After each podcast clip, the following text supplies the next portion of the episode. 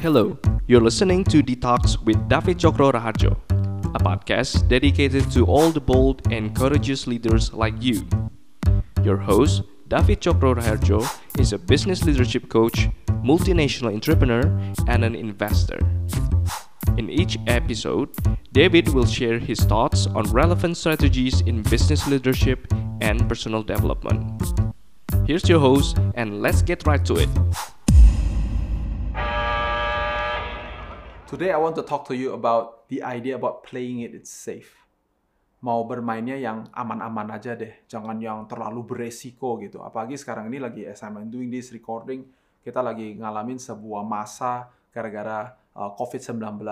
Banyak banget komentar di luar situ. Aduh, kalau kerja zaman-zaman sekarang ya, yang aman-aman aja. Play it safe, play it safe. Jangan jangan terlalu berani, jangan terlalu berani. Nanti oh, apa namanya kalau kena krisis kita bisa jatuh, you know, and all those stuff things um, I melihat ke belakang dan saya dengar begitu banyak komentar dan juga melihat dari pengalaman kehidupan saya, saya lihat bahwa ada orang bilang ini, play it safe because what if you fail? Kalau nanti kita gagal gimana? Right? Just very quickly, antara gagal dan jatuh ada dua perbedaan yang besar. Semakin kalian dewasa, semakin kalian tua, semakin banyak tanggung jawab, semakin kalian gagal, gagal itu punya harga yang sangat tinggi yang kalian harus bayar. If you are still young, even if you fail, so what? Kalian nggak punya tanggungan kok. Alright? Tapi kalau jatuh, even saya yang sudah umur 40 tahun, nggak boleh takut jatuh. So, I'm just trying to encourage you here right now, karena saya dengar banyak orang yang cerita tentang adalah play it safe, ah, yang aman-aman deh, kira-kira kayak begitu. Yang kedua, play it safe, terus saya bilang gini, emang lu lagi cari lebih banyak kerjaan lagi ya? Kurang kerjaan, fit. Oke? Okay?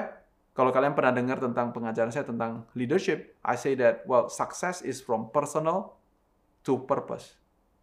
Bukan cari-cari kerjaan, bukan. Tapi saya nggak mau hidup hanya untuk diri saya. Kalau saya sudah bisa hidup untuk diri saya, saya mau hidup dengan tujuan supaya orang lain juga bisa hidup di dalam kehidupan mereka dengan hidup yang sebenarnya. So this is should be your reasoning. Tapi all of these things are still philosophical. So I want to introduce you something called Koko Kaka. Okay, J O J O J A J A. Koko Kaka. And the ko pertama namanya adalah control. Kenapa orang like to play it safe? Because I like to be in control. Even kalau saya cuma punyanya sedikit, at least fit, I'm in control over this small little life that I have. I have a control. Kalian pernah lihat gak gimana caranya orang tangkap monyet? Kalau orang mau tangkap monyet, caranya kayak begini. Dia bikin sebuah keranjang, dan kemudian dia bikin sebuah lubang yang di dalamnya itu ada pisang, ada buah-buahan. Dan biasanya sudah agak sedikit matang supaya baunya ada ke mana-mana. Si monyet datang kepada jebakan itu, dia lihat lubang itu, dia cium bau yang wangi, dia masukkan tangan dia ke dalam, dan kemudian dia pegang itu uh, pisang. Dan dia pegang pisang itu, dia akan tarik keluar tangan dia. Dia tidak menyadari pada waktu dia menarik tangannya dia di situ, yang tadinya tangannya tidak dikepal, pada saat dia mengepal, dia tangannya nggak bisa keluar. Bisa nggak bayangkan? And so waktu dia tarik keranjang itu, ada loncengnya, dan loncengnya bunyi, klinting, klinting, klinting, klinting. Dan kemudian si uh, pemburu dengar, klinting, klinting, klinting. Dia bilang gini, ah ada monyet yang terjebak. Maka mereka mulai mendekati si monyet. And as the hunter get close to the monkey, here's what is interesting. Monkey itu padahal kalau untuk keluar gimana caranya coba? I hope you can see the pemikiran, the metaphor di sini. Kalau dia lepasin aja tangannya, tangan itu akan bisa keluar daripada lubang tempat di mana tadi dia masuk. But the first thing about this play it safe game, you are creating a jebakan buat diri kamu sendiri because kamu lagi pegang itu. Dan selagi tangan ini mengepal and you hold it, tangannya nggak bisa keluar. As the story goes, semakin the hunternya dekat sama si monyet, dia semakin tarik, semakin bunyi loncengnya. Tapi semakin dia tarik, dia bergumul, tapi nggak pernah keluar. Kenapa? Karena tangannya tidak pernah let go. And you see, sampai waktu dia sudah sampai di sebelahnya si monyet, si monyetnya mungkin mungkin lompat-lompat. Dia bilang, and yet He cannot let go for a very simple reason. because he tangannya tetap terkepal. Control will do that trick on you. Control akan datang dengan sebuah samaran. Dia bilang, yang aman-aman aja deh. Play it safe. So, hopefully that story, for some of you at least, perlu dengar cerita itu. And di zaman-zaman sekarang mulai belajar tuh, okay, maybe I don't have to play it that safe juga kali ya. You know why, right? I, I hope you know why. Kalau kalian jadi monyet itu, you are not monyet, oke? Okay? Kalian adalah manusia yang pinter, cerdik, cemerlang.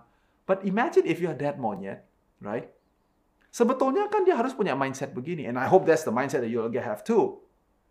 So long I let go, yes, I let go of that pisang, tapi masih ada begitu banyak pohon pisang yang lain. Ada pohon-pohon lain dengan buah-buah yang lain, saya bisa makan. Because the opportunity is everywhere. It's not only on that one thing that you are playing safe with. The second call, yaitu namanya adalah comfort. And you know, banyak orang cerita tentang comfort itu adalah kalau semuanya, oh saya punya uh, harta yang banyak, punya rumah yang besar, saya punya kemewahan hidup, then I get comfort. Yes, that is comfort level one. But do you know bahwa people that are in pain, people that are in difficulty, justru mereka-mereka yang selalu terjebak dengan yang namanya comfort. Banyak orang yang waktu justru dia lagi dalam keadaan yang sulit, dia mencari comfort. Dan comfortnya apa? Dia bilang gini, paling sedikit. Kalau tadi ada barangnya, tapi di sini adalah susah padahal hidupnya. But you want to be in that comfort yang menutupi kita dan kita rasa bilang adalah, well paling sedikit gue masih punya kayak begini. So that is comfort with a packaging yang namanya adalah yang menyembunyikan the real identity of play it safe. Packagingnya tulisnya play it safe, tapi sebenarnya di dalam kalau kita buka namanya adalah comfort. Comfort itu istilahnya apa? Comfort itu adalah kita membangun sebuah benteng. You know that comfort dari, dari kata fort. Dan fort itu maksudnya itu adalah uh, sebuah tembok, sebuah uh, pintu supaya kita bisa menjaga serangan dari luar. Now, comfort is like kalau kalian pernah tinggal di uh, negara yang punya musim dingin, kalian punya sesuatu namanya adalah comforter. Nah, comforter itu adalah selimut yang kemudian kita isi dengan uh, apa namanya uh, bulu angsa atau semacamnya kayak gitu supaya kita bisa keep us warm. Because comfort justru untuk orang-orang yang sakit itu adalah justru mencari sesuatu yang paling sedikit masih oke. Okay. And this word at least, this word ya paling sedikit, ya uh, setidak-tidaknya, that is what you need to be fighting for. And the same one with the first one, comfort Coco, the, both Coco is doing the same thing yaitu adalah di luar sana ada begitu banyak urusan yang masih bisa dikerjakan. Opportunity is still everywhere. If you want to know, you should be joining us. Not just listening to a short things like this, tapi mulai bertanya di Asditi, karena ada begitu banyak opportunity di luar sana. And yes, even during this so-called pandemic, during this so-called crisis time. So my encouragement for you is not to play safe. That's the Coco, and let's meet their twin sisters. Namanya adalah Kakak right? And K yang pertama adalah case. And this is what I call the case of the past verdicts.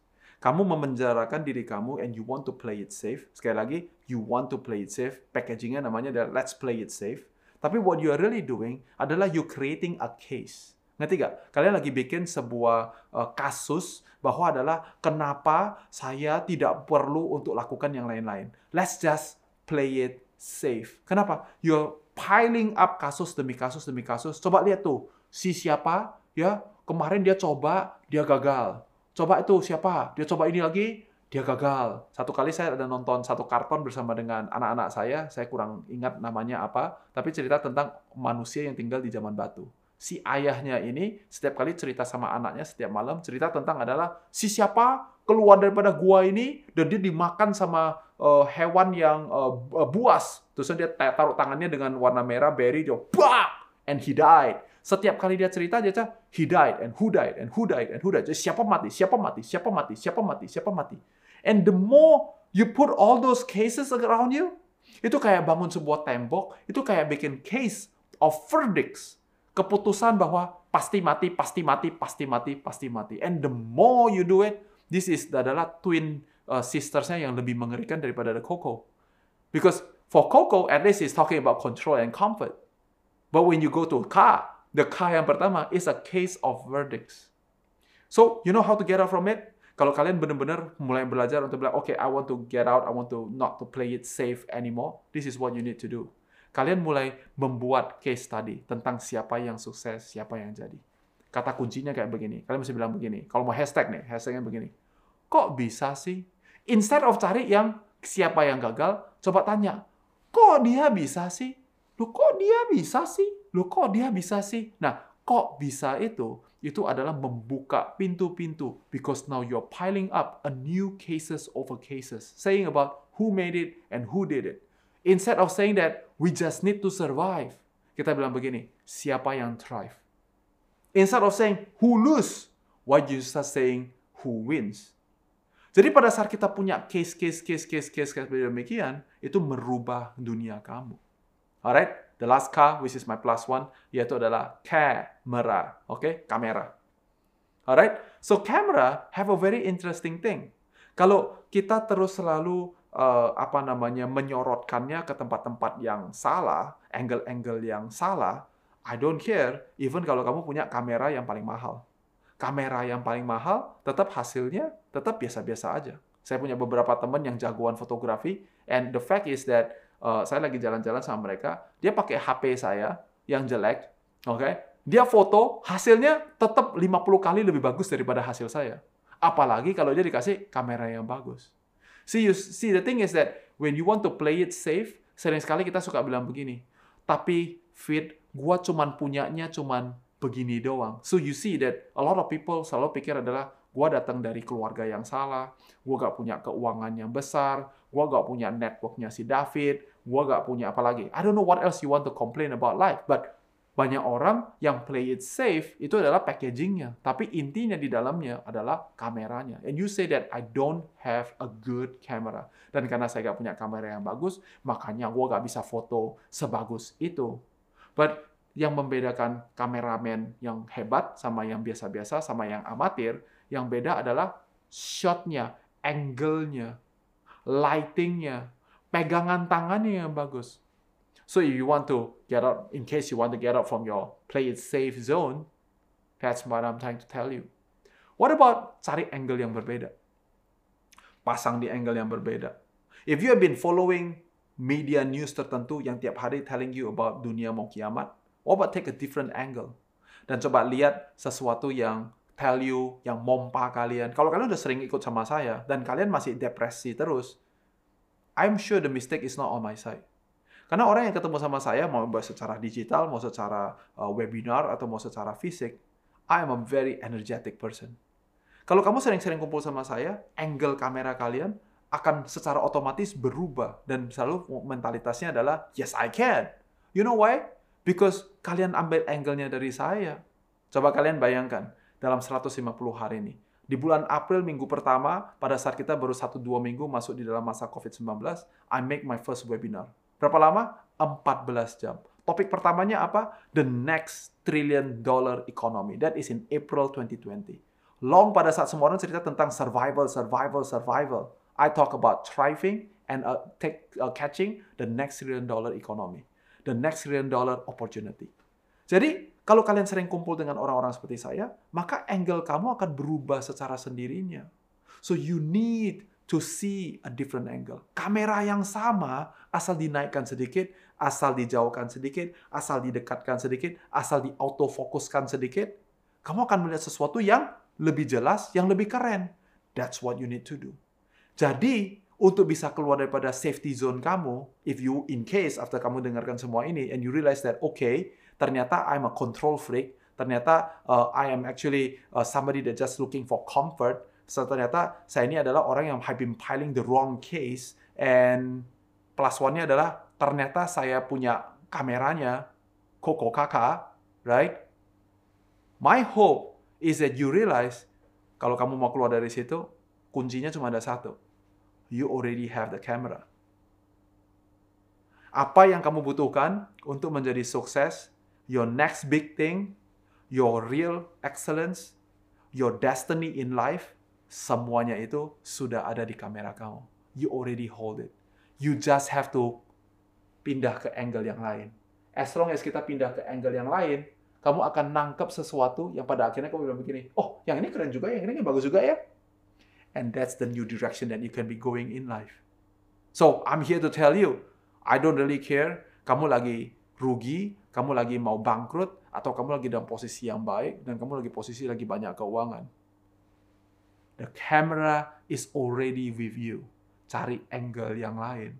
Selama kita mau cari angle yang lain, kalian akan mendapatkan perspektif yang baru. I say this too often, but I'm just gonna say it. Kalian mau kaya, kaya dalam dua hal. Kaya dengan perspektif, kaya dengan adversities in life. So you gotta have, you already hold the camera. Gini loh, kalau lagi hidupin kamera, bayangkan kalian lagi hidupin kamera. Pada saat saya lagi lihat ke sini dan saya mau foto, bukankah saya nggak perlu harus press the jebret? Dan kalau saya jebret pun, kan nanti saya bisa delete. What do you have anything to lose? Punya that mentality. Coba dulu aja. Dari sana, you build it up and you build it up. Harapan saya kalian dengarkan ini, kalau kalian rasa sedikit pump up dan merasa adalah, oh kayaknya I can do something bigger nih. That is my whole goal. I want you to be excited about your life. I don't want you to be depressed in your life. I want you to be excited about your life. Get a different angle. My name is David. This is Detox, and I hope I help you to detox the things that you're not supposed to be thinking in your life. I'll see you next time. Thank you for listening to Detox. Ask DT your questions about business or personal development on davidchokroraharjo.com. See you on the next episode.